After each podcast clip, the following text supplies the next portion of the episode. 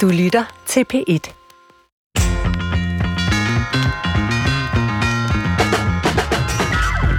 I psykologien interesserer vi os som noget grundlæggende for, hvad det er, der gør os til dem, vi er. Er det generne? Er det et indre selv? Er det personligheden? Er det det miljø, vi vokser op i? Eller er det en blanding af det hele? Svarene er jo næsten altid komplekse i psykologien, men måske er et menneskes historie det, der bedst kan rumme den her kompleksitet. Måske er vi vores historie. Måske er vi det liv, vi lever, for nu skamløst at citere en af mine egne bogtitler, hvilket så gør biografien til den grundlæggende psykologiske metode. Den metode undersøger jeg i dag sammen med to biografer. Ja, det hedder det jo. Så velkommen til Brinkmanns Brix i dag om, hvem vi er. Og biografien er en meget populær genre, og det er jo der jo nok flere gode grunde til. En er vel, at man kan komme med bag kulisserne i nogle miljøer, man normalt ikke får indblik i. En anden kunne være, at man nemt kan blive fascineret af konkrete, levende eller døde mennesker og deres handlinger, overvejelser og valg i livet. Der bliver også lavet en masse film om kendte menneskers liv, og hver uge så laver aviserne og radioen jo portrætter af den ene og den anden. Og til rettelægger Christoffer Heide Højer, jeg vil jo påstå, at alle mennesker gør det her, altså spejler sig i andres historie. Er der nogen, du spejler dig i? Jamen, så mange som muligt, mm. og, og helst dig. Åh, oh, no, der er ingen biografi om mig. Så det... Nej, men jeg, helt klart, øh, og jeg er meget begejstret egentlig for at læse om andre, og, og høre om andre, og se andres historie. Mm-hmm. Der er et eller andet, der er pigerne ved det for mig, og det som du siger, jeg tror, de fleste har det sådan. Men det gode spørgsmål, når man så har en psykologiprofessor over for sig, det er jo så, hvorfor? Ja, altså, det er jo på en måde noget helt øh, fundamentalt, tror jeg, for det menneskelige. Og det er også fundamentalt, at det jo kun nærmest kan blive banalt, når man siger det. Men altså, vi har jo brug for andre for at blive til nogen. Øh, så der er jo dels sådan en, øh, en dimension af, at vi, vi skal bruge andres liv til noget for at kunne forstå os selv og finde inspiration og finde ud af, skal jeg gå til højre eller venstre i min tilværelse. Men jeg tror, det er mere end det der rent instrumentelle, hvor man kan bruge det som et redskab til selv at træffe beslutninger. Jeg tror ikke, der er ret mange, det gør jeg i hvert fald ikke, der tager en biografi ned fra hylden med den tanke om, at nu skal jeg gøre et eller andet med det her i mit eget liv. Jeg tror mere, det er sådan en elementær nysgerrighed, vi har på menneskers levede liv. Altså det, jeg forestiller mig, at man øh, for 250.000 år siden sad og fortalte historier fra forfædrene, eller måske nogen fra nabostammerne øh, der på savannen i Østafrika, og, og i dag så gør vi det jo stadigvæk øh, og udgiver det som bøger. Nu taler vi om, det sådan en separat handling, man gør. Man sætter sig ned med en bog om Bill Clinton eller Karen Blixen, eller en eller anden, man synes er interessant, eller går ind og ser en film om, om X-person. Ja. Øhm, men det er jo noget, det er jo sådan, som du siger, et psykologisk ting, mekanisme, at spejle sig mm. i andre. Det er vel noget, vi gør konstant og hele tiden. Ja, det gør vi jo, altså fra vi er ganske små, så bliver vi jo til som øh, personer i kraft af, at der er øh, voksne omsorgspersoner, som øh, reagerer på, hvad vi gør, og så ser vi, hvordan de reagerer, og så bliver vi spejlet af dem og udvikler os derfra. Det er jo sådan noget helt fundamentalt mm. for al menneskelig udvikling. Og når vi så bliver voksne og, og kan læse øh, så, så har vi jo måske på samme måde brug for og også en lidt mere kompleks spejling, der viser øh, mange forskellige sider af vores tilværelse. Og det er jo det, som gode biografier kan tilbyde. Altså, øh, og så får vi jo også idoler.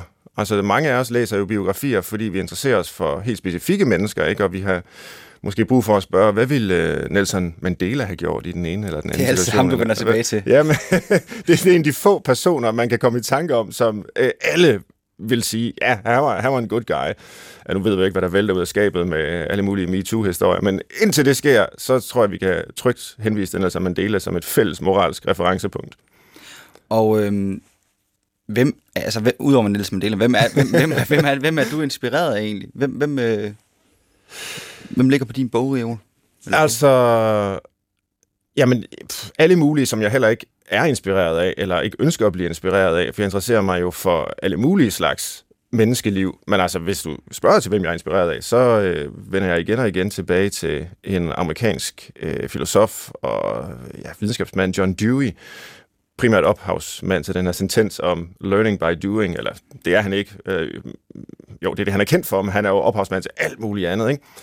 Er fantastisk offentlig intellektuel. Han blev øh, 92 og påvirkede det amerikanske samfund øh, i en tid, hvor han døde i 52, hvor der skete alt muligt. Og at læse hans biografi, altså hvad han, hvad han formåede, øh, udover at producere al den øh, videnskab og alle de filosofiske refleksioner, så fik han øh, seks børn, og efter 2. verdenskrig så adopterede han to belgiske drenge, øh, som var forældreløse, og, øh, og, og døde nærmest lejende med dem. Øh, lidt ligesom øh, Marlon Brando omkommer, forestiller jeg mig, i uh, The Godfather derude i Appelsin, eller Citronlunden, eller hvad det er, ikke? Øh, nej, nu fortaber jeg mig helt i, i John Deweys biografi, men det er jo bare for at sige, man får noget andet øh, ind under huden, når man ikke bare læser om, hvad manden har sagt og skrevet, men når man, når man også læser om, hvordan manden har levet, mm. og hvad han faktisk har gjort. Og man får en anden, det gør jeg i hvert fald, respekt for hans ord, når det viser sig, at han også i praksis øh, efterlevede meget af det, han, øh, han sagde. Sidste spørgsmål for mig. Du er, blevet, du er blevet portrætteret en del gange faktisk, Svend. Og nu er det jo ikke, ikke så rosenrødt som ham, du sidder og fortæller mig om, om de, de her, men hvad, hvordan er det egentlig at blive genstand for ja, et portræt?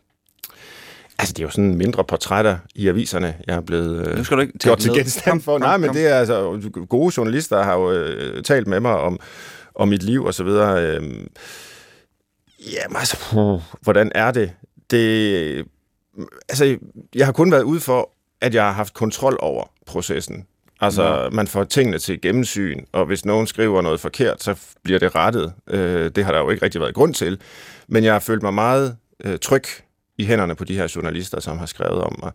Og det tror jeg er helt afgørende. Jeg kan sagtens forestille mig, hvis en, en kritisk journalist vil skrive et eller andet afslørende om Svend Brinkmann og hans liv, mm. at det vil være særdeles ubehageligt. Det der med at lægge sin livsfortælling i hænderne på andre, det er jo et kæmpestort ansvar, de de får eller tager, hvis man ikke ønsker, at de skal have det ansvar. Ja. Og det kunne jeg også godt tænke mig at tale med dagens gæster om, fordi øh, det er jo lige præcis det greb, de benytter.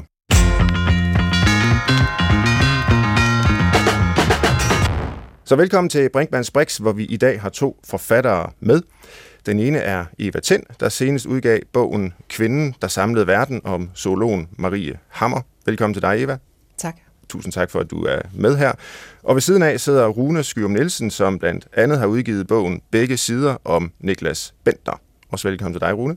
Øh, jo, tak. Dejligt, at I begge vil være med. Og I har jo skrevet flere biografier i forskellige formater, og det skal vi tale meget mere om lige om lidt. Men først så var navnet Marie Hammer nyt for mig, øh, for det er jo ikke en person, som alle umiddelbart kender, forestiller mig. Og jeg må indrømme, jeg gjorde faktisk heller ikke, øh, selvom jeg jo også er universitetsperson og, øh, og burde kende til den videnskabelige kanon osv. Så, videre. så, så hvem var hun?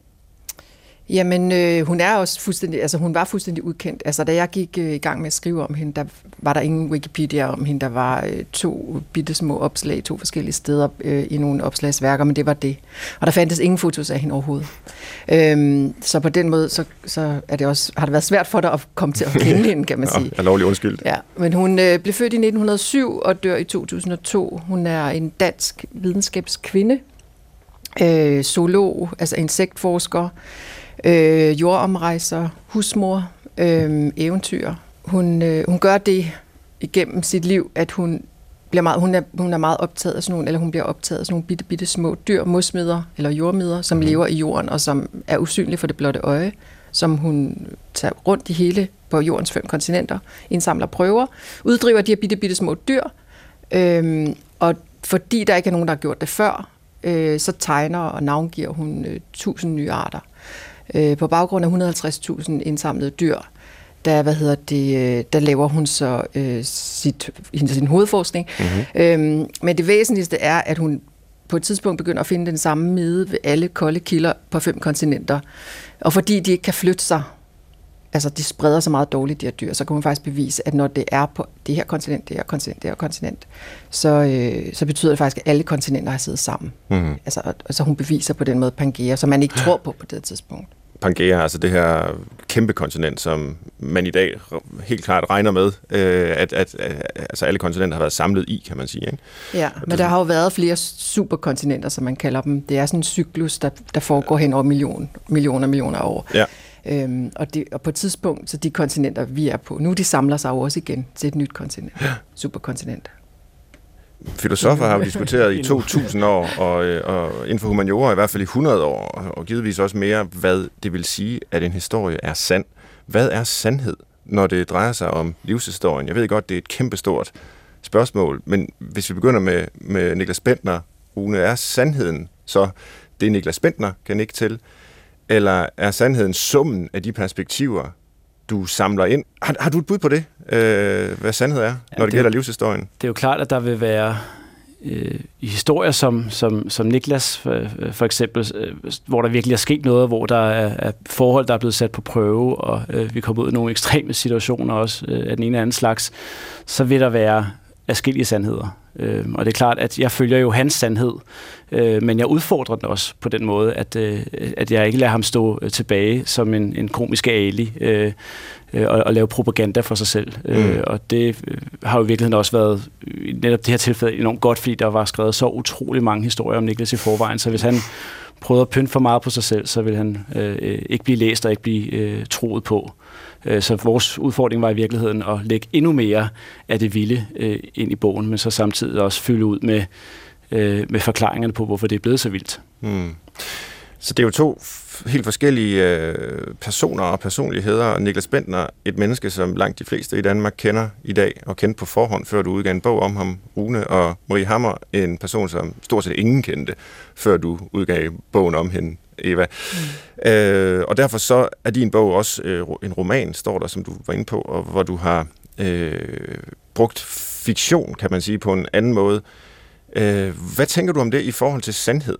Øh, nu skal vi nok komme videre fra det her store, vanskelige spørgsmål lige om lidt, men, men bare lige dvæle lidt ved det. Altså, er det en måde at få sandheden frem på, at fiktionalisere, at digte det, som ikke ligger i kilderne selv, eller er det en blokering i forhold til at fortælle den sande historie, som så vil blive meget kedeligere, fordi der var alt muligt, du ikke kunne sige noget om? Ja, men jeg tror ikke, jeg arbejder ud fra, øh, og, hvor meget jeg kan underholde andre mennesker. Nej. Måske mere, hvor meget jeg kan underholde mig selv nogle gange. Men øh, hvad hedder det, øh, som jo for eksempel, altså, da jeg sidder og skriver om Marie, og jeg selv begynder lidt at kede mig lidt, så tænker jeg, så, så får jeg hende til at falde ned i sådan en dyrefælde. øhm, i en skov. Og det er, jo, det er jo sådan noget, hvor at jeg så selv bliver interesseret i, hvordan kommer hun op derfra? Og det fortæller så igen noget om hendes personlighed på en eller anden måde. Hvad er det, hun gør, når hun når hun står på bunden af sådan en fælde, dyr, kæmpestor dyrfælde og, og, og, og ikke kan se ud over kanten. Men, øh, hvad hedder det? Men omkring det der med sandhed, så beskæftigede jeg mig en del med, altså jeg tror for mig, at det, jeg skrev en, en, et, det, jeg kaldte et portræt, en portrætbog om Asta Nielsen, stumfilmstjernen Asta Nielsen. Ja. Øhm, hvad hedder Danmarks første filmstjerne og verdens største på det tidspunkt. Øhm, og, øh, og der kan jeg huske, der var en, der skrev til mig efterfølgende, jamen, hvorfor jeg ikke havde altså, skrevet uddybende omkring hendes dansescene.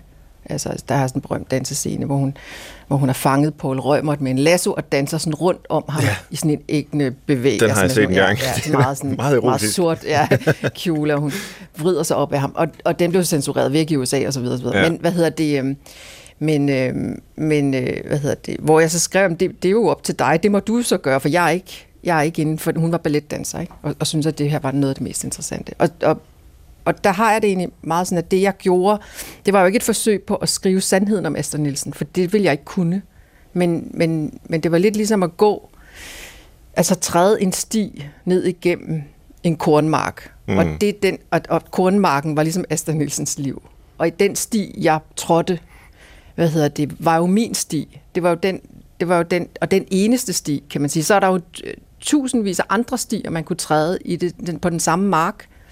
Øhm, men, øhm, og, og der tog jeg så bare læseren med på min vandring ned igennem engen, kan vi, eller kornmarken. Ikke? Mm. Øh, så det var ikke et forsøg på mig for at, at, at udsige noget som helst form for sandhed omkring hende. Det var egentlig bare et forsøg på at sige, hvis jeg går ind i det her, lands, i det her, i den her, i det her landskab så, og tager dig med, hvad er det så, vi ser sammen? Og så vandrer du sammen med mig. Men det, jeg fortæller ikke alt om hende, jeg fortæller heller ikke sandheden om hende. Mm. Læser I egentlig selv biografier? Rune, gør du det? Ja, det sker. Ja, hvilke? Eller er det nogen, der nu spurgte Christoffer mig indledningsvis, om der var nogen øh, liv, jeg sådan kunne spejle mig i, og nogle personer, jeg havde som forbilleder. På samme måde for, for folk, der skriver biografier, kan der måske mm. være særlige eksemplariske forlæg. Altså, den her biografi, som du læser som ung, eller et eller andet, den vender du tilbage til igen og igen. Ja, altså jeg vil sige, at øh, hvis, vi, hvis vi skal blive i fodboldverdenen, som vi var før, der, så, så skillede jeg til en, før jeg lavede øh, begge sider, og det var, det var den øh, om Slatan. Øh, ja. Fordi øh, den, den kunne noget, som jeg virkelig gerne vil øh, lægge ned over Niklas langt mere broede historie. Øh, altså den havde et, en, en troværdig stemme, som, øh, som jeg godt var klar over, at hvis jeg skulle øh, virkelig have Niklas historie til at fungere, så skulle, vi, skulle man tro på, at det var hans stemme, der fortalte det. Øh, så der, der, der skillede jeg rigtig meget til Zlatan-bogen, og den havde jeg allerede læst mange år forinden. Mm. Så det vendte jeg tilbage til. Men ellers så kigger jeg meget på, øh, altså ikke så meget på bogmediet, men jeg kigger meget på øh, dokumentar, øh, turistiske portrætter øh, på, på, på, i fjernsynsmediet. Mm-hmm. Øh, lige nu er jeg ved at se en film om Pavarotti, som øh, virkelig øh, er inspirerende, fordi der, der bliver øh, øh, gået altså til, til narrativet med, øh, med, med en opfindsomhed og med, med en, øh, altså, en stor kendskab til stoffet tydeligvis, så man, så man får det på en overraskende og meget, meget fængende måde, øh, og helt klart bliver klogere på, på den her utrolig store, øh, på alle måder, øh, italienske sanger. Øhm, så jeg kigger alle mulige andre steder hen, men jeg, jeg er nysgerrig på, på den måde, andre laver portrætter på, og der er mange, der gør det godt jo, så det, der, der er masser at tage fat i. Men er det så bare en professionel nysgerrighed, hvor du søger inspiration til at kunne lave øh, rigtig gode biografier selv om andre mennesker, eller er det også en mere eksistentiel nysgerrighed, øh, inspiration til dit eget liv?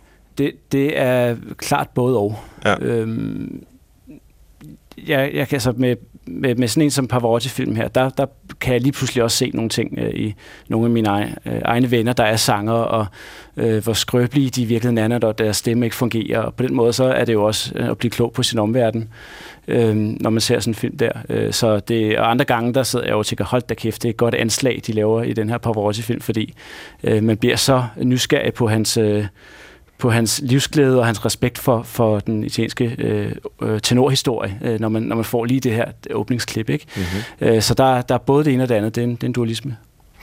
Og hvad med dig, Eva? Opsøger du øh, biografier af nogle af de her grunde, som vi er inde på? Altså, personligt læser jeg faktisk nærmest aldrig biografier. Nej.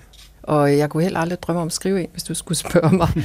det. Nå, så, så da jeg skriver den, der, den første bog om Asta Nielsen, der jeg tror jeg ikke rigtig har læst nogen biografier. Måske har jeg læst et par enkelt, altså Susanne Brygger lavede på et tidspunkt en biografi, hvor hun tager udgangspunkt i øh, sin egen litteratur, og ligesom sammenstykket sådan en, en fortælling, øh, hvor hun tog udgangspunkt i de, et, jeg tror det var nærmest bare var tre bøger, hun havde skrevet op gennem tiden.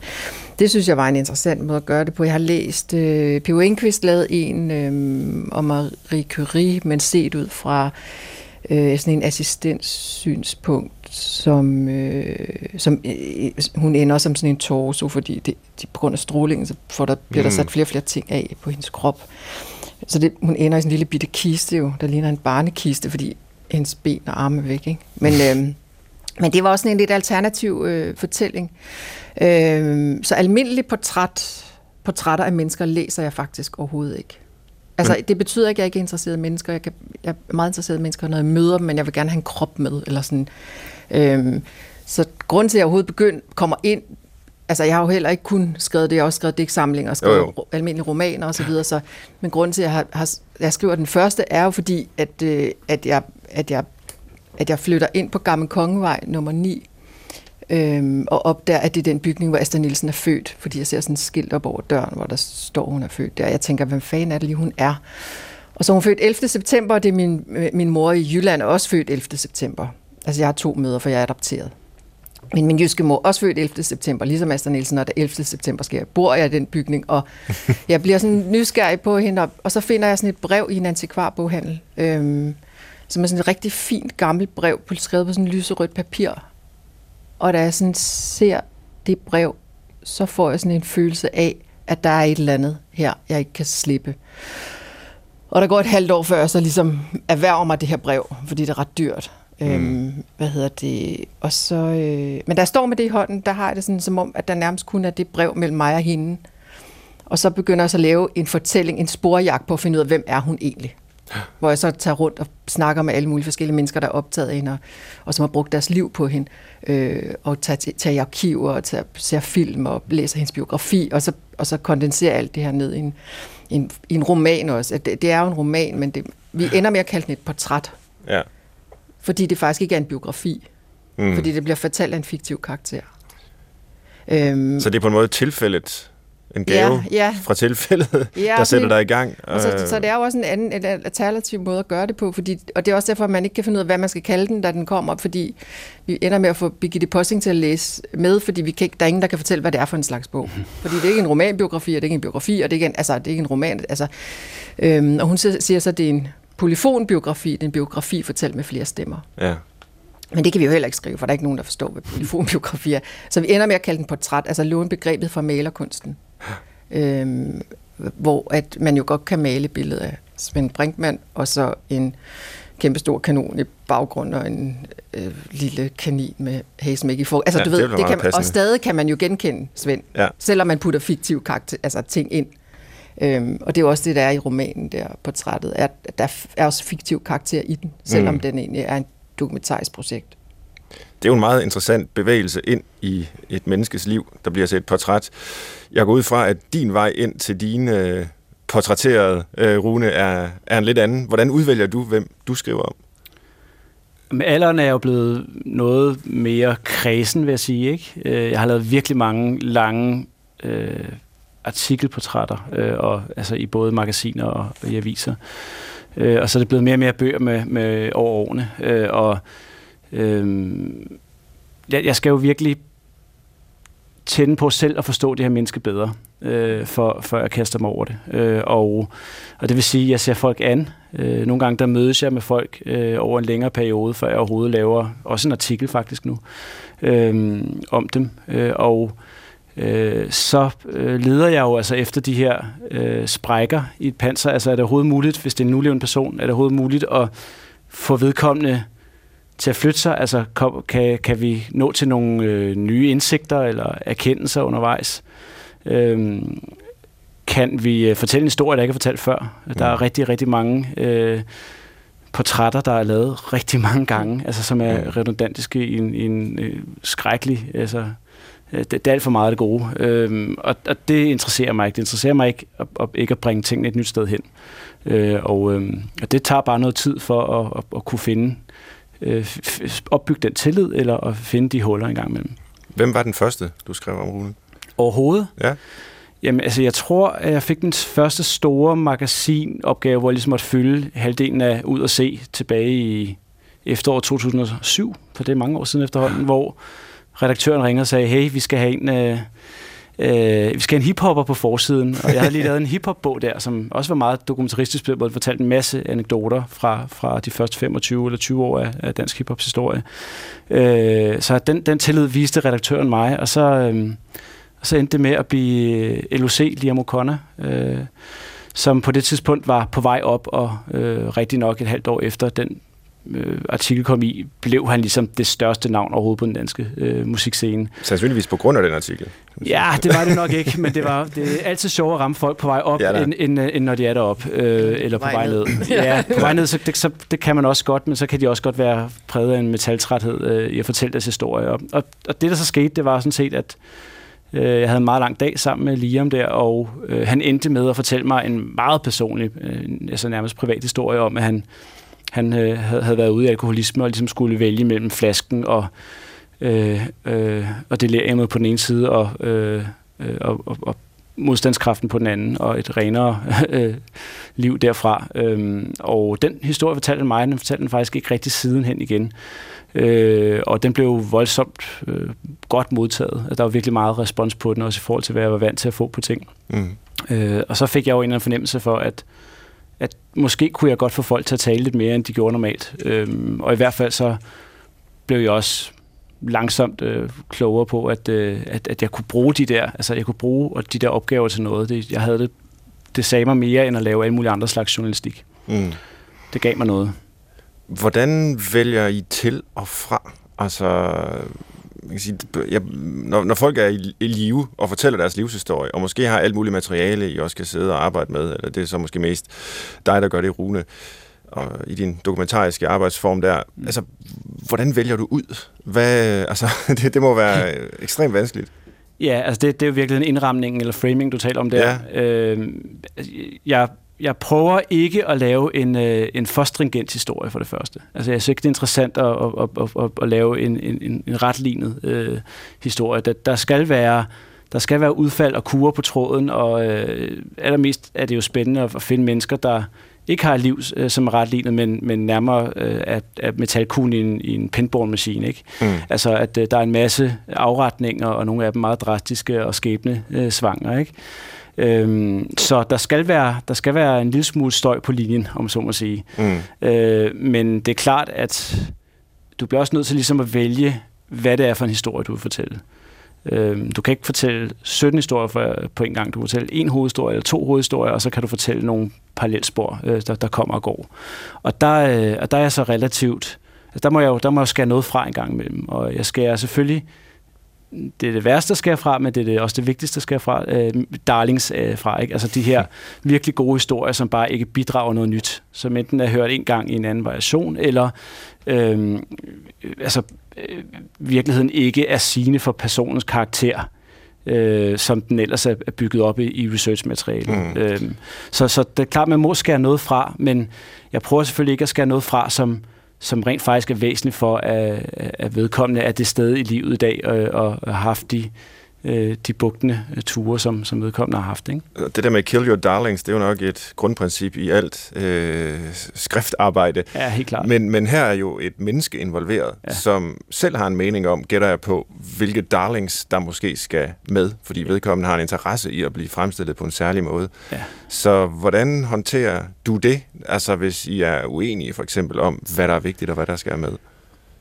Det er sjældent, jeg får henvendelser om ting, som skulle have været med, som, som ikke er med. Der synes jeg egentlig, at jeg bliver mødt af en vis forståelse for, hvordan jeg, hvordan jeg vælger ud. Men jeg kan godt øh, være ude for, at der er nogen, der måske bliver lidt skræmt over, hvordan noget ser ud på skrift, i forhold til, hvordan det var at fortælle mig om det. Mm. Øh, og der er det klart, der, går du, der indgår du en forhandling. Øh, jeg kan ikke komme så langt øh, ned i materien, og så langt ind nogle gange i folks historie, også steder, hvor de slet ikke har været selv før.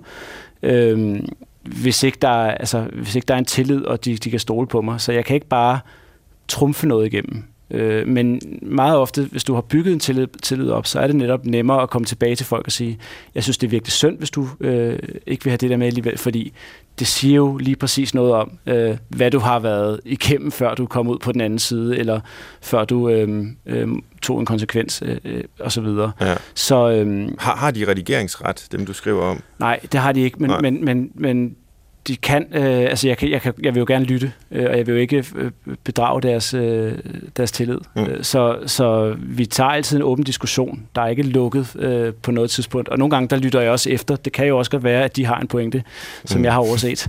Det er desværre ikke helt øh, uset øh, eller uhørt, men, men, øh, men som regel, jo... så, regel så kommer man langt med faktisk bare at argumentere og øh, lade dem føle, at de er et rum, hvor bordet ikke fanger. Ja.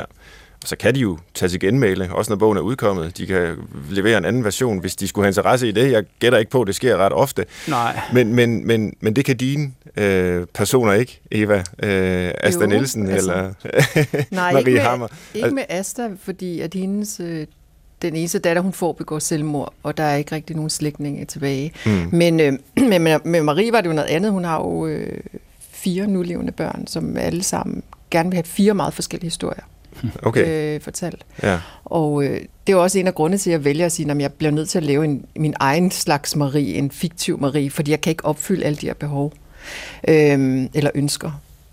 Og så sker der også det i, mi, altså, i mit arbejde med hende, at der er to af børnene, der, sådan, der er en af dem, der faktisk følger det ret tæt, fordi hun, ligesom, som jeg jo kan bruge til at spørge om alt muligt, jamen, hvordan var det, eller hvad for nogle kunstnere kom der, eller hvordan, altså, og, og, og, og, og, og hun er sådan en del af processen, og så er der en anden datter, som til sidst får, er meget bekymret. Og, øh, og hun får så lov at læse med før, øh, før at øh, de sidste redigeringsrunder er. Øh, og hun kommer så med 17 rettelser. Altså ting, hun vil have slettet. Øh, hvad hedder det? Blandt andet også fordi, at i min version af Marie, der, der laver jeg også en kvinde, som, som, som har sådan et, øh, et begær på en eller anden måde, der, der brænder. Altså, øh, og det gør det både i forhold til at erobre verden på en eller anden måde, og få sat alle de her kontinenter sammen, øh, og få erobret nyt land hele tiden, og, og nye, nye væsener. Ikke? Øh, men, men også i, øh, hvad hedder det, i hendes seksualitet. Øh, hvad hedder det, og det er jo noget, jeg har fundet på. Det kan jeg jo ikke, det kan jeg jo ikke vide noget om.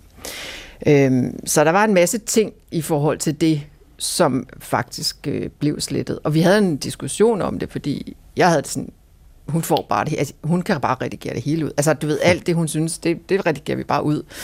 Øhm, og jeg havde nogle diskussioner med nogle andre, som har skrevet en del om altså biografier, men også min redaktør, også på Gyldendal, hvad hedder det, øhm, at det er jo egentlig, når det er fiktion, så, så har man ikke den samme ret, som, som du, din mm. karakter jo har, ja, som er levende, mm. du skriver om. det. Men, øh, hvad hedder det, men jeg havde det sådan, det var ikke min opgave at, øh, og, hvad hedder det, og sådan at, at køre nogen over på en eller anden måde. Det havde jeg på ingen måde lyst til. Øhm, så hvad hedder det, så jeg sagde bare ja til det hele, og så blev det slettet, så var det det. Og øh, hvad hedder det? Og det er jeg egentlig ret glad for. Altså, ja. jeg har det også sådan, hvis altså, der var en orgasmescene, der røg ud, og sådan, noget, sådan nogle ting, hvor det var for meget på en eller anden måde. Det kan jeg egentlig også godt forstå. Det er jo, det er jo ens mor og sådan mm. noget. Så, øhm, øhm, der kan man jo også sige, hvis de kommer med fire forskellige fremstillinger af, af, den, af det her liv, de gerne vil have ind hver især, så, øh, ja, så kan man jo lige så godt bare sige, men, så er det jo fire forskellige sandheder, og ja. hvor, hvorfor så ligesom ikke ja. bare ja, følge en, eller finde din egen femte, og, ja. og, og lytte til deres øh, indsigelser. Ja. Men lad mig prøve lige at foretage et lille spring og vende, også måske et forsøg på at forstå, hvad det er, I gør, når I skriver. Så vende jeres greb og jeres metoder mod jer selv. Og det øh, håber jeg ikke bliver alt for ubehageligt, men hvis vi begynder med dig, Rune, hvis du nu med dine egne ord skulle beskrive din opvækst, grunden til, at du øh, skriver portrætter og biografier, kunne der så være en bog i det, og hvad skulle den handle om? Det, det kunne der nok godt. Altså, man kunne godt, man kunne godt skrive en fiktion med kraftigt inspireret af virkeligheden på, øh, og, og min opvækst for eksempel. Øhm, det, er lidt, det er lidt sjovt, du spørger til det, fordi øh, jeg læste lige for nylig en, et, et, et meget langt essay, faktisk i bogform af øh, Karlo Knarsgaard, øh, mm. som, øh, som øh, på et tidspunkt havde øh, interesseret sig en del for Edvard Munch, altså hans landsmand, øh, maleren, og øh, var ligesom kommet frem til, at han på afstand godt kunne koge, øh, hvorfor Edvard Munch øh, malede ned i en sætning, øh, nemlig at han havde mistet sin øh, tillid til verden som barn. Mm. Øh, og det havde han gjort ved, at hans øh, mor døde som femårig, og hans store søster eller søster døde som 13-årig, og det havde virkelig øh, sat sig i i det, han så skulle udtrykke i sine billeder. Det var sådan, som Knavsgaard så det på afstand. Øh, og det øh, fik mig til igen at tænke over, hvorfor er det egentlig, jeg endt med at øh, skrive øh, portrætter i alle mulige former. Øh, øh, og ikke alt muligt andet inden for, øh, for journalistikken, som, som jeg også har været berøring med. Øh, hvorfor er det det, det, jeg hænger fast i, og måske også det, jeg er, er bedst til. Og øh, der fandt jeg sådan set ud af der, at øh, Jamen, det er jo ikke helt sådan, at jeg kan gå ind og, og sige det samme som Munk, og vi skal ikke lave nogen øh, sammenligninger med de to norske her og mig i øvrigt, men, øh, men jeg er helt klart... Øh, jeg har helt klart brug for at forstå mennesker, som er, er, er bortdømt eller er sat i en bås, øh, ofte på en negativ øh, vis. Øh, mm. Forstå, at der er andre sider af dem, og at der er Øh, Øhm, altså, der er en grund til, at de er øh, havnet, hvor de er, øh, og måske her er der, også, er der også nogle helt andre intentioner engang imellem, og måske er de, er de skubbet øh, noget af vejen. Øh, og det, det tror jeg hænger sammen med, at jeg i virkeligheden selv øh, havde en, en relativt traumatisk øh, barndom, hvor jeg øh, som 12-årig øh, mistede fuldstændig min kernefamilie, som, som jeg kendte den, hvor min far først øh, forsvandt, og, og min mor øh, blev øh, hjerneskadet få dage efter. Øh, og det var noget, som jeg ikke øh, bearbejdede over lang tid. Øh, så det var faktisk først, da jeg var en voksen mand og begyndte at gå til psykolog, samtidig med at jeg begyndte at lave portrætter, at jeg begyndte at øh, ikke bare kunne tale med folk på en anden måde, end de måske var vant til, øh, når de talte med journalister, øh, i hvert fald med nogle journalister, øh, men også øh, øh, langsomt fandt en trøst ved, at, øh, at der var, altså, der, der, der var jo altid noget, noget godt gemt i de mennesker, man mødte, og der var altid nogle andre bevæggrunde end dem, man øh, umiddelbart kendte. Så jeg får et eller andet øh, også med til mig selv, helt klart ved. Øh, det er selvfølgelig ikke fordi, at det er derfor udelukkende, at jeg sidder og laver portrætter, men, men jeg kan godt øh, bruge og, og forstå øh, mennesker, gøre dem forståelige, ja. og i virkeligheden også blive lidt mindre dum på mit eget liv, som det også øh, artede sig bagefter, fordi det, det, var, det var heller ikke nogen retlignet øh, øh, streg øh, de, de, næste mange år. Det er jo et meget sympatisk motiv, og der er da helt klart en ja, bog det er noget, jeg i, i det, du beskriver ja, der, ikke også? Men... det er noget, jeg lægger ned over det også selvfølgelig, men ja, jeg jo, synes, jo. det giver rigtig god mening, og det, ja. det var virkelig sådan, okay, det var en, øh, det var, det var en værdifuld indsigt, da jeg læste Knavsgaard der for ja. Men det næste spørgsmål er jo så, om du kunne tænke dig, der skulle komme en bog ud af det. Øh, Og hvem skulle skrive den? Skulle det være dig selv? Ja, det skulle det absolut. Øh, Ja. ja. Jeg kunne ikke tænke mig, at der kom en, en, en biografi om mig, før jeg var død. Altså, jeg tvivler også på, at det sker alligevel. Men, øh, men, Men hvorfor, øh, hvorfor kunne du ikke tænke dig det? Jamen, fordi der vil være meget til fat i, og der vil også være noget, der, der, vil, der vil gøre nas. Mm. Øh, enten, at, enten at snakke om, eller øh, at høre andre snakke om. Ingen tvivl om det. Eva, hvad med dig? Kunne du øh, se dit liv blive skrevet ud som en fortælling? Mm. Og hvad, ja, måske også samme spørgsmål, som øh, jeg indledte med over for Rune. Altså, hvad, hvorfor tror du, du er endt med at ja, i det hele taget være forfatter og digter? Er der en biografisk begrundelse for det?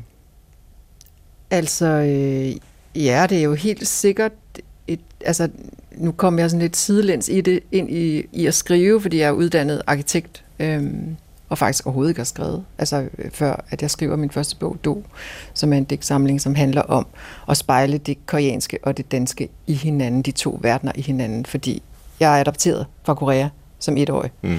Øhm, og så fik jeg kontakt med min biologiske familie, da jeg var 14. Øh, og, så, øh, og så havde jeg det sådan, jeg så dem første gang, da jeg var 21, og så havde jeg det sådan, at hver gang jeg rejste frem og tilbage, så var det som om, jeg havde sådan brug for at lukke nærmest sådan porten i mellem de to verdener. Og så den her bog var på en eller anden måde et forsøg på at lade de to verdener mødes i et rum, som så var bogens rum, og lade dem spejle sig ind i hinanden, apropos spejlinger, fordi portrættet er jo på en eller anden måde også en spejling, at vi forsøger at spejle os ind i et andet menneske. Øhm, og, og det her, det, bogen har jo de der to sider, så der var hele tiden to ting, der kunne mødes over for hinanden på en eller anden måde. Øhm, jeg tror, jeg har været meget optaget af øh, altså selve spejlingen, kan man sige. Den har jo så optrådt som form i det, jeg har skrevet, men den har også optrådt i, i, på alle mulige andre måder.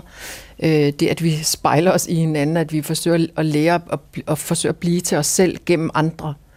Øhm, og der er det jo en ret speciel situation, det der, når man enten er adopteret eller donorbarn, eller har, at der er en dele af en selv, man ikke kan spejle øh, i, i de forældre, man har.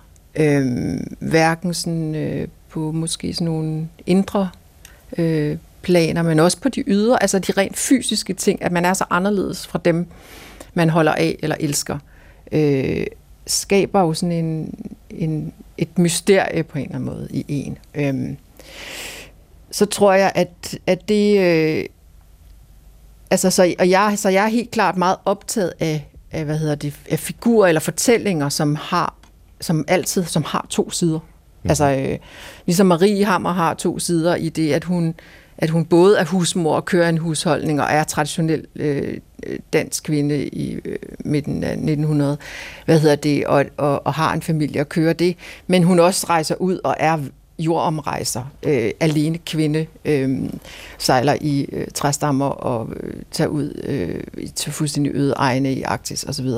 Altså, at hun har de her to figurer, eller to sider i sig selv, hun forsøger at, og, øh, at, at samle på en eller anden måde til, til et, eller forsøger at pendle mellem de to verdener, eller, så jeg tror, jeg, jeg er sådan meget optaget af, af, hvad hedder det, af kontrasterne i et menneske. Mm. Øhm, og jeg er også meget optaget af mennesker, som ikke nødvendigvis er særlig søde, eller gode, eller rare, men som måske altså på andre måder er fascinerende.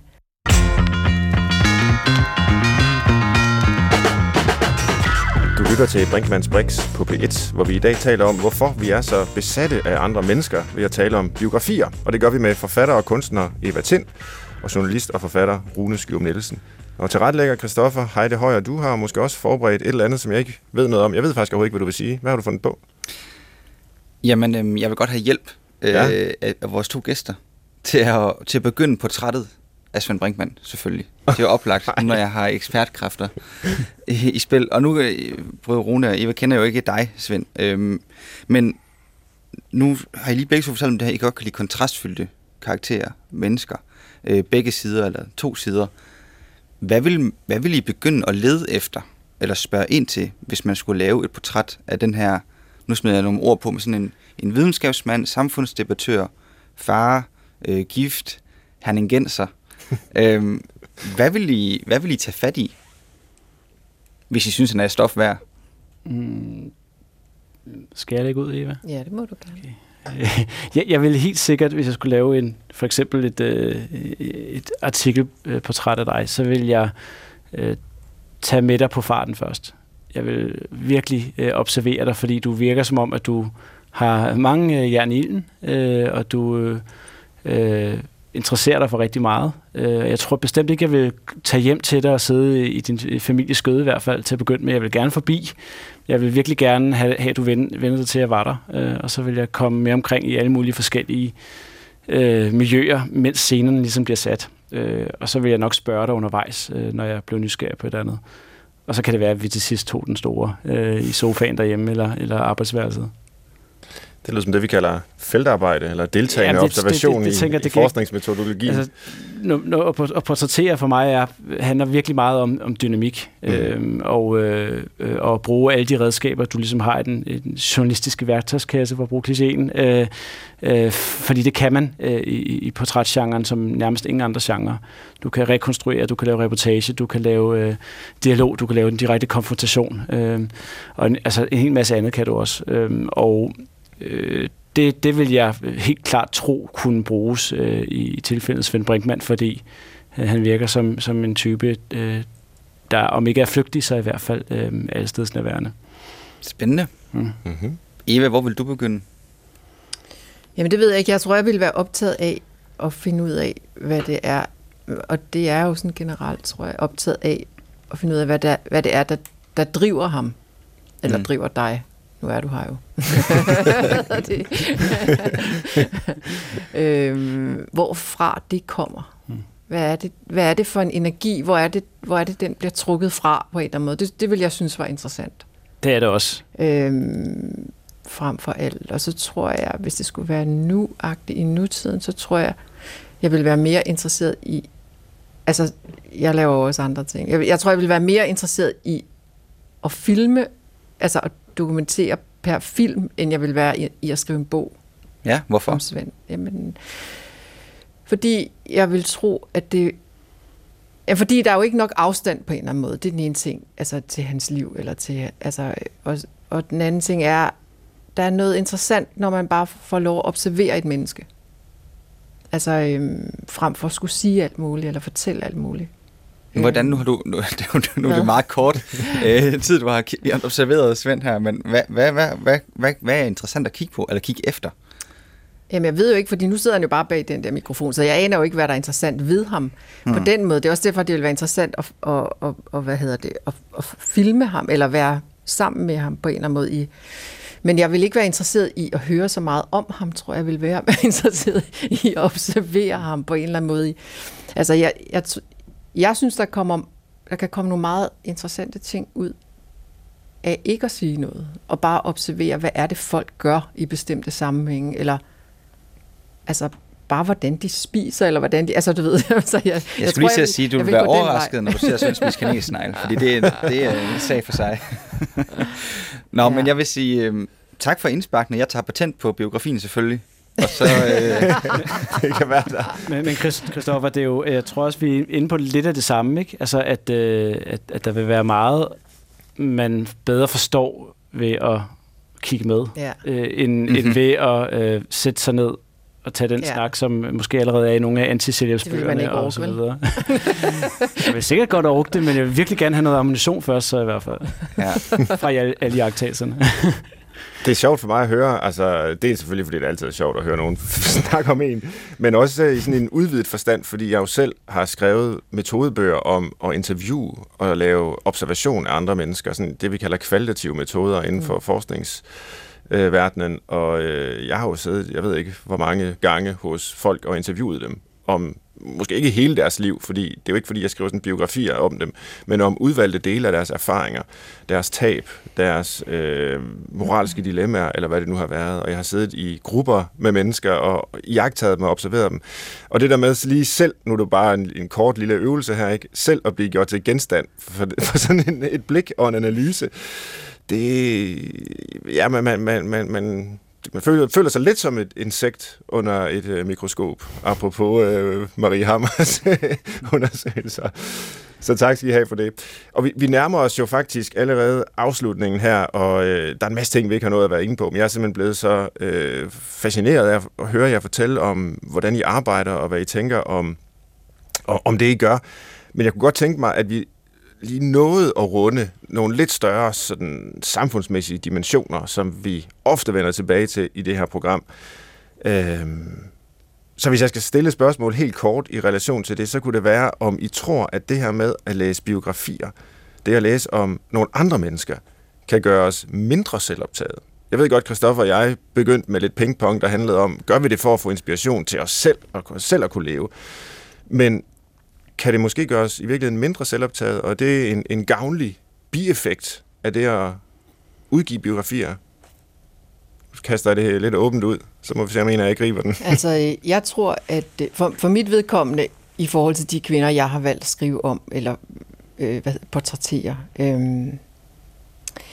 der har jeg det sådan, at, at en del af, af det, som har været min fascination, og som jeg også kan se er en del af læserens fascination, det er jo det der med, at de fuldstændig sprænger grænserne for, hvad det er, vi umiddelbart kan som mennesker. Altså, øh, altså Nielsen, som går ind og, op, og er med til at skabe en helt ny kunstform, som er den eneste kunstform, der er opfundet i nyere tid, som er filmkunsten. I de der fuldstændig vanvittige eksperimenter og alt muligt om, hvad, hvad det er egentlig er, man så kan med det her medie, og hvad film overhovedet er. Altså, øh, øh, og Marie Hammer i det der, altså i, i det der med sådan ene kvinde, ihærdighed og bare sidder og kigger ned i sådan en lille bitte mi- mikroskopisk verden, som jo er lige så uendelig, som når du vender blikket ud mod stjernerne, eller altså ud i himmelrummet. Altså at det der uendelighedsperspektiv på en eller anden måde, som, som øh, og, og det der med, at hun, at hun, at hun, øh, at hun, at hun ene ene kvinde kan vandre rundt på verden, og så ende med at bevise, at det har siddet sammen, det hele. Mm. Altså, det er, jo, det er jo en fantastisk historie på en eller anden måde. Det er også super inspirerende i forhold til at sige, okay, tør vi tænke større? Tør vi udfolde altså, de ting, vi går rundt, bærer rundt med i os som mennesker? Tør vi, tør vi udfolde dem, altså, øh, hvad hedder det, til det, til det, to its fullest, hvad hedder det, hvad hedder det på det? Altså, ja, altså, øh, det synes jeg er inspirerende, ikke? Altså, øh, og på den måde, så tror jeg, at selvfølgelig læser man de her portrætter også for at spejle sig selv meget ind i det, eller fordi man bare er nysgerrig på det her menneske, fordi man har hørt om det her menneske, mm. og gerne vil lære det at kende. Så det er jo en anden måde at lære et menneske at kende på, øhm, uden at skulle være i berøring med det øh, direkte. Øh, men jeg tror også, man kan få noget af det der, det tror jeg vel også er noget af det, der driver dig, Rune, det der med det, du gør, altså det der med at, at vise, her er et, et menneske, som, som et udfoldet menneske på en eller anden måde. Hvad er det, vi andre kan blive inspireret af ved at se på den her udfoldning? Hvad, er det, vi selv kan blive til? Tænker vi stort nok? Tænker vi visionært nok? Tør vi indtage hele verden, eller står vi på et lille bitte frimærke og stamper lidt i jorden, fordi at vi er bange for at, at være forkert, eller mm. ikke at lykkes med det, ikke? Mm. Jeg hørte engang, øh, ja, et par år, ej, det er mere siden, men en berømt dansk forfatter sige, øh, han havde sådan et projekt i folkeskolen med at få øh, børnene til at læse. H.C. Andersen var det faktisk. Og så sagde han, at øh, al stor litteratur, det handler i sidste ende om at blive klogere på sig selv. Det handler om at forstå sig selv bedre. Og det kan godt være, det mm. også handler om det. men, men jeg kan huske, at jeg tænkte, da jeg hørte det i radioen, at ej, det er jeg faktisk ikke enig i. Altså, litteratur handler om at forstå noget andet end sig selv. Mm. Altså, hvis man forstår sig selv, så skal man gå i psykoterapi eller sådan et eller andet, ikke? Men det er jo ikke det, vi gør, når vi læser øh, bøger, altså om andre. Ja, men, men, men, men det er jo bare det, det der med at sætte sig i en, et andet menneskes sted også, ja. ikke? På mm. en eller anden mm. måde, og det lærer vi jo noget af, også psykologisk set, kan man sige. Ja, jo, men det er rigtigt. Og, og så er der et eller andet med, at man jo, altså i hvert fald, når man laver dokumentaristiske biografier, som, som jeg prøver på, øh, så at at du har en historie, øh, som er en personhistorie, men du prøver ligesom også at løfte den op, så der er en større historie i det. Øh, og på den måde tror jeg, at jeg kan svare ja til de spørgsmål. Øh, altså, historien om Niklas Bentner er jo ikke bare en historie om øh, en, en fodboldspiller, der har, der har blameret sig i offentligheden. Det er jo også en historie om øh, en opdragelse øh, i et fodboldmiljø, øh, og et, øh, når du er god nok i det miljø, lige meget hvordan du har øh, er kommet der til, så øh, kommer du i kløerne på, på nogle meget, meget store pengeinteresser, mm. som øh, i virkeligheden øh, meget, meget hellere vil have en bid af din kage, end de vil øh, øh, gelejte dig godt igennem på, på lang sigt. Øhm, og altså, det vil sige, at der er nogle større historier, der ligger i det. Det er der bestemt også det, jeg laver lige nu, øh, og det har der også været i nogle af de andre øh, biografibøger, jeg har lavet. Altså, øhm, så, så det, jeg synes meget hurtigt, man bliver klogere på verden ved at læse en person, faktisk. Men det, du skal selvfølgelig, den der sidder og laver, biografen, der sidder og laver øh, bogen, du skal læse, skal selvfølgelig også have det for øje. Det siger sig selv. Mm. Men det er måske heller ikke, det er også meget vores øh, sædvanlige vane med at ligesom skulle sige enten eller. Man kan også bare ja. sige både og og sige, ja, i de rigtig store fortællinger, de rigtig interessante fortællinger, der kan man både spejle sig selv som lille bitte menneske, almindeligt øh, væsen, ind i det, det her, den her anden person, men man kan faktisk også spejle sig selv i en større, mere kollektiv sammenhæng. Ikke? Mm. Det er også det, vi forsøger på en eller anden måde alle sammen, tror jeg, ligegyldigt i hvilken genre vi skriver, eller det er jo at, at, øh, at få fat i de altså mere almengyldige mm-hmm. sandheder også, eller hvad man kan sige. Det som, det er jo ikke nødvendigvis, det kan jo godt være både personligt og privat og kollektivt samtidig, og det er jo det, når man rammer det punkt, det er jo der, det, det rigtig udfolder sig, tænker jeg. Mm. Øh, plus at man kan sige, når jeg, hvis jeg skulle læse en, nu har jeg jo så ikke gjort det, men hvis jeg skulle læse en biografi, som du har skrevet, så vil jeg jo også læse noget om dig. Mm-hmm. Altså fordi det er dig, der har skrevet det, det er dig, der har filtreret det. Så det filter, du er, det vil jo også fortælle mig noget om, hvem du er som menneske. Så, så der er jo mange flere dimensioner i det. Det er jo det, der gør det så interessant, kan man sige. Ja, jamen, jeg, jeg er i gang med at, at læse Kvinder samlede verden endnu. Det, det, der har jeg da også en fornemmelse øh, for dig der, tror jeg. Det giver mening. Og nu får jeg sådan nogle frie associationer. Det kan løbe lidt løbsk en gang imellem, især når vi nærmer os afslutningen hos mig. Men øh, jeg sidder og tænker på, om, om alle mennesker i virkeligheden ikke kunne sidde og lave øh, minibiografier om hinanden. Altså som sådan en lille øh, kolorit, lille drys på hverdagen. Altså ligesom når man, jeg ved, man kører i tog og skal have tiden til at gå, og så er der nogen, der sidder og mediterer lidt og dyrker mindfulness. Andre, de sidder og laver knibeøvelser, eller der, det ved jeg ikke, et eller andet, ikke? Men så kunne man også sidde og digte en historie om øh, den person, der sidder overfor, øh, som en måde måske at udvikle sig på som menneske. Tror jeg, det, øh, så, så, øh, så kan vi køre nogle kursusforløb om det.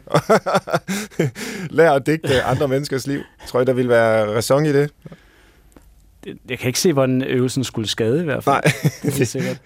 altså, jeg synes, noget af det sjoveste, det er faktisk det der med, når man sidder i tog eller sådan nogle andre steder, det er jo faktisk at høre, høre øh, det, andre siger mm. som replikker. Oh, ja.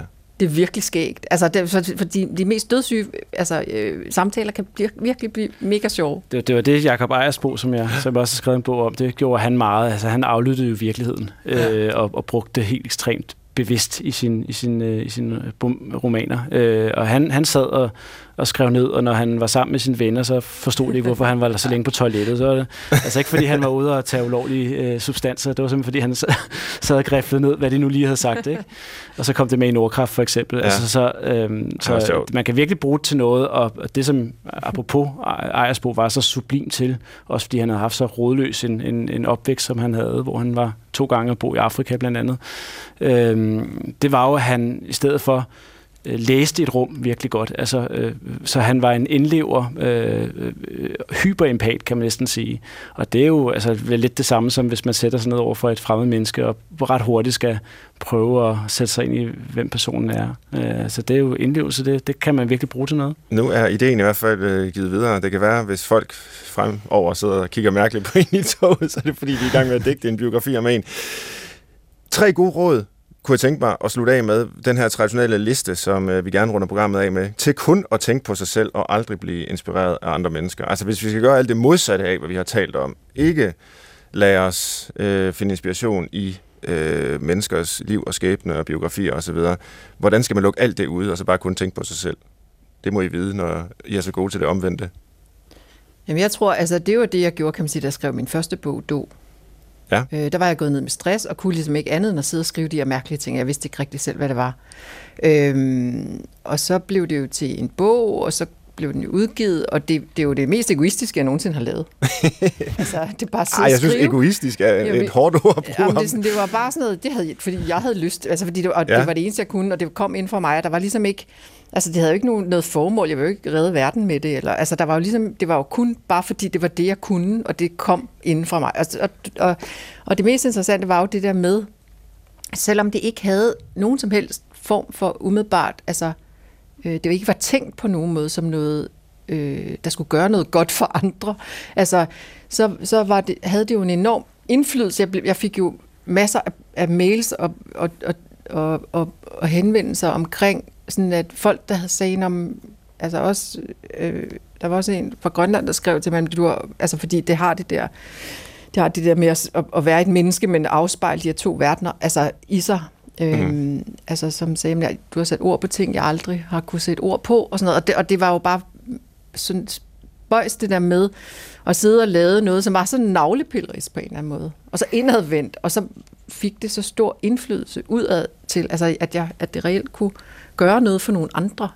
Det, det, øhm... Så hvis vi skal konceptualisere det lidt, så vil det være, at skriv en bog om dig selv. Men så kan det alligevel godt have positiv effekt på alle mulige andre. Så ja, det kan godt være til gavn for verden alligevel. Ja, eller det er måske mere det der med øhm, at, at være opmærksom på, hvad det er, man har i sig, som har brug for at få et rum til udfoldelse, kan man sige, ikke? Jo. Altså, øhm, og det kan godt være meget ego- det kan godt føles meget egoistisk at tage udgangspunkt i sig selv. Men mm-hmm. det er også der, at mange af de mest rene ting kommer fra, kan man sige. Sådan er det også med Marie. Der er jo ikke nogen, der siger udefra, at hun skal indsamle de her insekter. Det er jo noget, hun vil, eller ja. har lyst til. Altså, det er en drivkraft, hun har på de her bitte små dyr. Det giver ingen mening. Det giver jo ikke mening før 30 år senere. Nej. Altså, men hun bliver bare ved og ved og ved. Og det er jo det der med at følge det, der strømmer inden fra en selv, ja. som jo kan virke enormt egoistisk. Og måske også virkelig dumt, eller, eller småt, eller som i Maries tilfælde usynligt. ja. Har du et bud, Rune, til input til listen? Ja, altså du kan jo springe ud som gonzo-journalist og øh, bruge en hel masse andres tid på at tale om dig selv og skrive om dig selv. Blive gonzo-journalist. Det er... Ej, der, der, der, er ikke, der, der, der, kan, der er mestergenre, men der er også virkelig mange, der apropos, når man interviewer og skriver portrætter, øh, måske har fået en tendens til at skulle bringe sig selv i centrum, øh, mm. øh, også når det ikke er det, altså en solipsistisk tilgang til tingene. Ikke? Jo. Den, den, er ikke, den, er, den er god, hvis man vil, hvis man vil opnå det der idiosynkrasi, du, du fisker efter. Ellers ja. er det jo bare, uh, hør kun på dig selv, eller have så kraftige fordomme, før du møder mennesker, at, uh, at du uh, bliver helt, helt blind og døv. Altid også. Det er givet videre, og det er alt, hvad vi når her i dag, hvor du har lyttet til Brinkmanns Brix på P1. Og vi talte med forfatter og kunstner Eva Tind og journalist og forfatter Rune Skyum Nielsen. Eva har for nylig udgivet bogen Kvinden, der samlede verden om videnskabskvinden Marie Hammer, og Rune har stået bag Niklas Bentners biografi Begge sider. De har begge to også skrevet alt muligt andet. Og her til sidst vil jeg afsløre, at programmet i dag også har været inspiration til mig selv, fordi vi i år har droppet at holde sommerferie. Vi holder ingen sendepause her i Brinkmanns Brix, og det vil sige, at vi udkommer med fem programmer i løbet af juli, der smager af portrætprogrammer. Vi har nemlig inviteret fem vidt forskellige danskere ind til en samtale om ståsteder i livet. Jeg har også valgt at hive nogle rigtig gamle filosofiske værker med ind i det hele. Så der er masser at glæde sig til i den kommende måned. Tak til tilrettelægger Christoffer Heide Højer for at sætte det hele sammen. Jeg var verden, hedder Svend Brinkmann. Jeg håber, vi høres ved. Gå på opdagelse i alle DR's podcast og radioprogrammer. I appen DR Lyd.